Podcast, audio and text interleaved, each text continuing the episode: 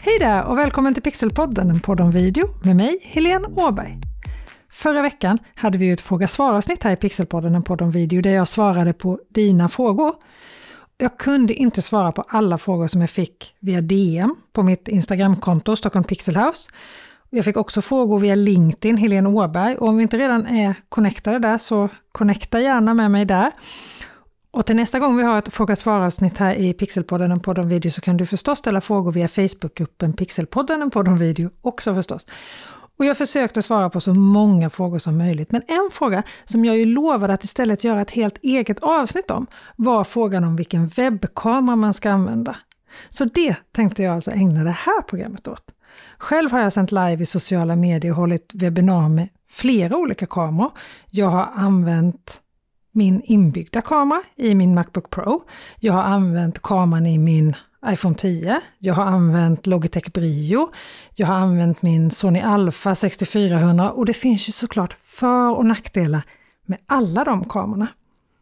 Till det här avsnittet av Pixelpodden, en podd om video, finns det en video i vår Facebookgrupp som alltså heter likadant, Pixelpodden, en podd om video, där jag växlar mellan just de här fyra kamerorna som jag precis nu nämnde.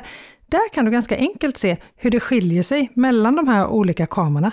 Men det är ju också viktigt att komma ihåg att bildkvaliteten bara är en liten del av din livesändning. Bra ljud och framförallt bra innehåll är ännu viktigare. Men det kommer vi prata om en annan gång här i podden. Nu nördar vi in oss i kameror.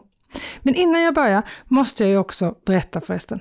Om du lyssnar på det här avsnittet nu under vecka 14 2021, så nästa vecka på torsdag, alltså den 15 april 2021, så kommer jag sända live i vår Facebookgrupp som alltså heter samma sak som podden, Pixelpodden, en podd om video.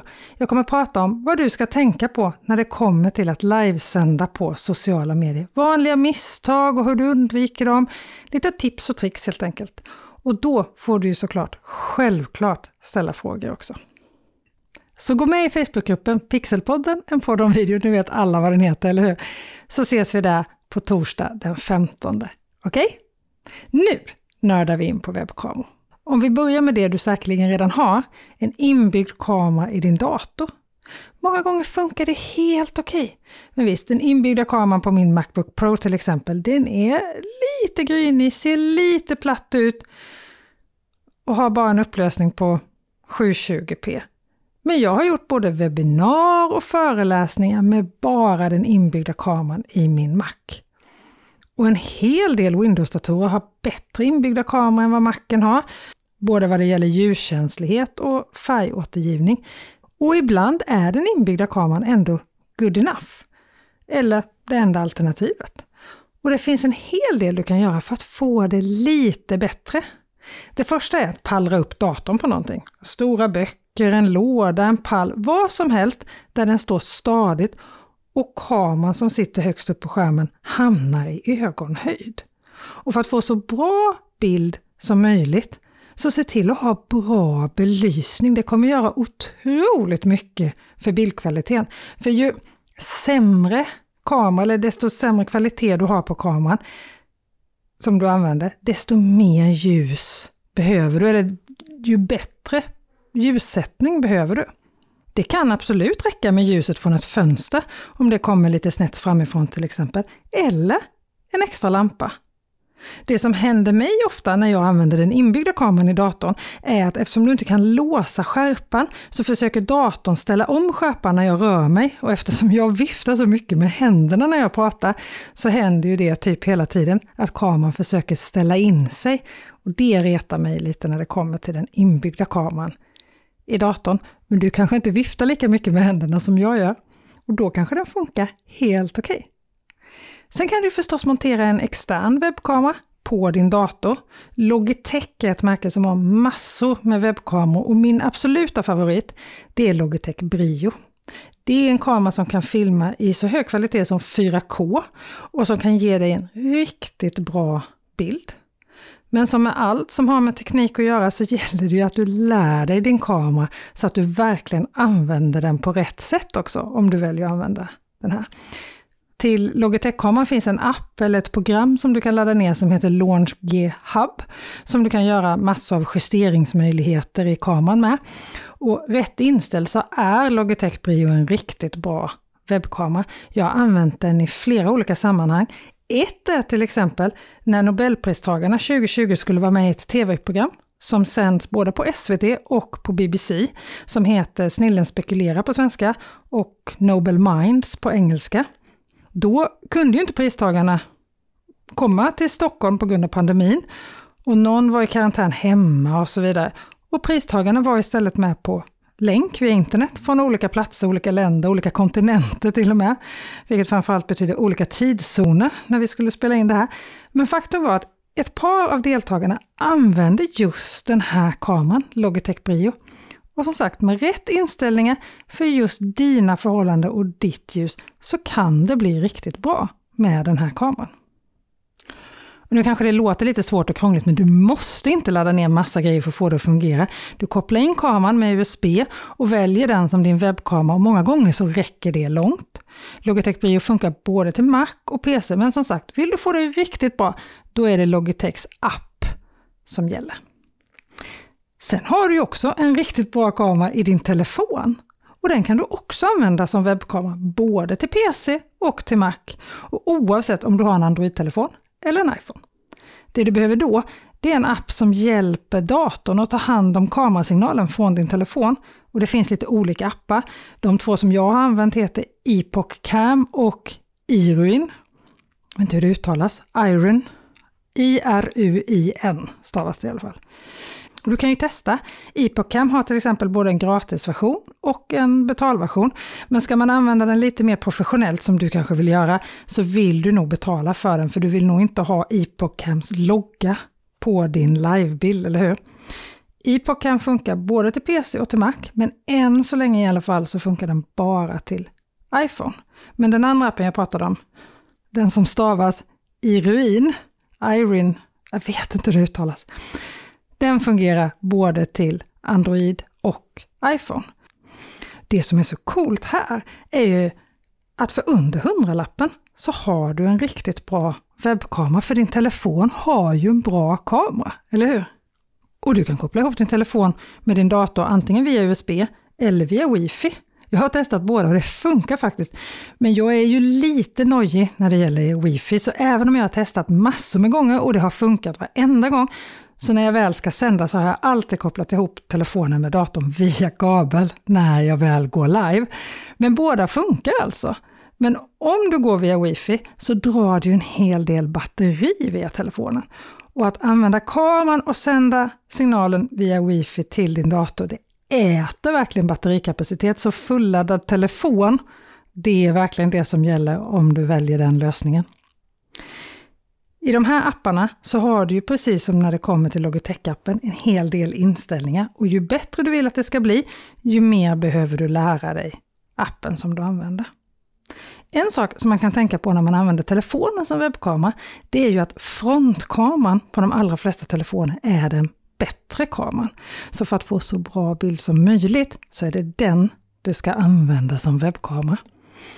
Och kom ihåg att ställa din kamera i flight mode så att du inte får massa mess eller att mamma ringer mitt i livesändningen via din då kamera, eller hur? Det kan ju bli lite jobbigt. Vill du sen gå ett steg till och använda en systemkamera, DSLR-kamera som din webbkamera, så kan du förstås göra det också. Det som många har frågat mig om är till exempel hur man får bakgrunden i oskärpa. Och för att få det utan att använda någon sån här liten konstig effekt som jag inte tycker brukar bli så bra, så behöver du en kamera där du kan ställa bländarvärdet. Och ju lägre siffra, ju kortare skärpedjup får du. Men desto känsligare blir det också för att du själv ska hamna i oskärpa. Jag använder i stort sett aldrig autofokus när jag fotar eller filmar, om jag kan undvika det, Eftersom den då ställer om sig och kan justera sig mitt i, bara för att jag till exempel viftar med händerna när jag pratar, som jag pratade om innan. Och när det kommer till en livesändning eller ett webbinar, så i de allra flesta fall så är jag ju på en specifik plats och rör mig inte in och ut i skärpan jättemycket. Jag viftar absolut med händerna, men hela jag flyttar mig ju inte i djupled några långa sträckor. Det här gör att jag till exempel inte har några problem att använda Canons M50 som webbkamera. Canons M50-kamera är en kamera som många använder och filmar med. En bra systemkamera som är relativt lätt att använda, men den har inte det som heter Clean HDMI. Du kan fuska dig till det så att batterisymbolen och så vidare inte syns i bild. Men om du använder autofokus så får du inte bort fokusrutan från den här kameran när du kopplar in den i ett streamingverktyg. Och jag hade inte ens märkt att det var så eftersom jag aldrig använde autofokus. Men så skulle jag hjälpa till att få igång en kamera inför en livesändning på LinkedIn via telefon för ett tag sedan. Och jag fattade verkligen inte varför den där rutan inte försvann. Ända till jag förstod att kameran var ställd på autofokus. Och det är förstås inte bara Canons M50 som går att använda som webbkamera. De allra flesta systemkameror går att använda som webbkamera. I vissa streamingprogram kan du plugga in en Canon-kamera direkt via USB, som i till exempel iCam. Till andra kameror behöver du en Camlink 4K när pandemin slog till på fullt allvar var det just en sån här Camlink det var hårdvaluta. Jag hade kunnat sälja min dyrt då. Men jag använde ofta min Sony Alpha 6400 som webbkamera och då använde jag min Camlink 4K för att koppla in den i datorn. Fördelen med en systemkamera är ju att beroende på vad du har för objektiv på din kamera så kan du zooma och ställa bilden enkelt utan att du behöver flytta hela kameran. Jag väljer till exempel ofta att använda kitlinsen. Alltså den här linsen som kommer med kameran som ett kit när man köper kameran.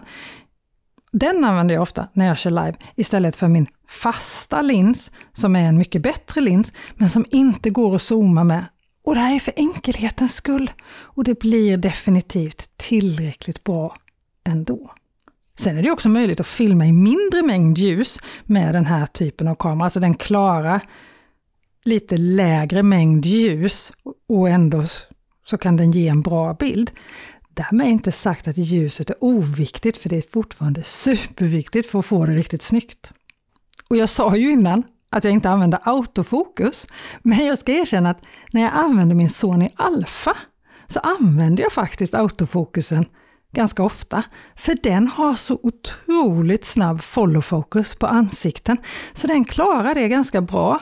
Under till exempel en livesändning i sociala medier eller ett webbinar så kan jag faktiskt använda autofokusen med follow focus på ansikte med just den här kameran. Annars gör jag i stort sett aldrig det.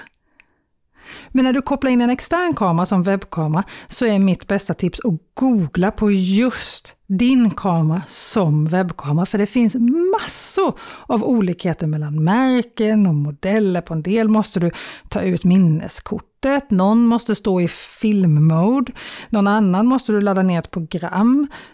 Och till någon behöver du som jag då en adapter, en camlink för att datorn ska känna igen kameran som en webbkamera. Alltså det finns så många olika alternativ. Och det här, det skiljer sig som sagt olika modeller, olika kameror, olika datorer. Så googla lite på just din kameramodell med just din datormodell och ditt streamingprogram som du använder. Men som sagt, det finns flera olika alternativ och du måste ju inte använda en superavancerad kamera eller investera massor med pengar för att det ska bli bra. Du jobbar lite med ljuset och lär dig ställa in din kamera så kommer du långt utan att gräva djupa hål i plånboken. Och som jag sa i början, kolla gärna i Facebookgruppen Pixelpodden och podd om video så ser du det testet som jag har gjort mellan fyra olika typer av kameror. Och där i Facebookgruppen kommer vi alltså dessutom ha en livesändning om just livesändningar i sociala medier den 15 april 2021. Så gå gärna med där. Och vill du ha en hel lista på all utrustning som du kan behöva för olika typer av livesändningar så har jag gjort i ordning en sån lista som du kan ladda ner. Då går du till bit.ly snedstreck liveutrustning, allt med små bokstäver. Och du hittar ju förstås länken där du kan ladda ner den här listan även på det här avsnittets show notes. Och de hittar du som vanligt på pixelhouse.se avsnitt 47. Där finns en länk så att du kan få den här pdfen med hela utrustningslistan. Hoppas att vi ses i Facebookgruppen och att du vill lyssna nästa vecka igen på Pixelpodden, en podd om video. Ha det så bra så länge så hörs vi. Hej då!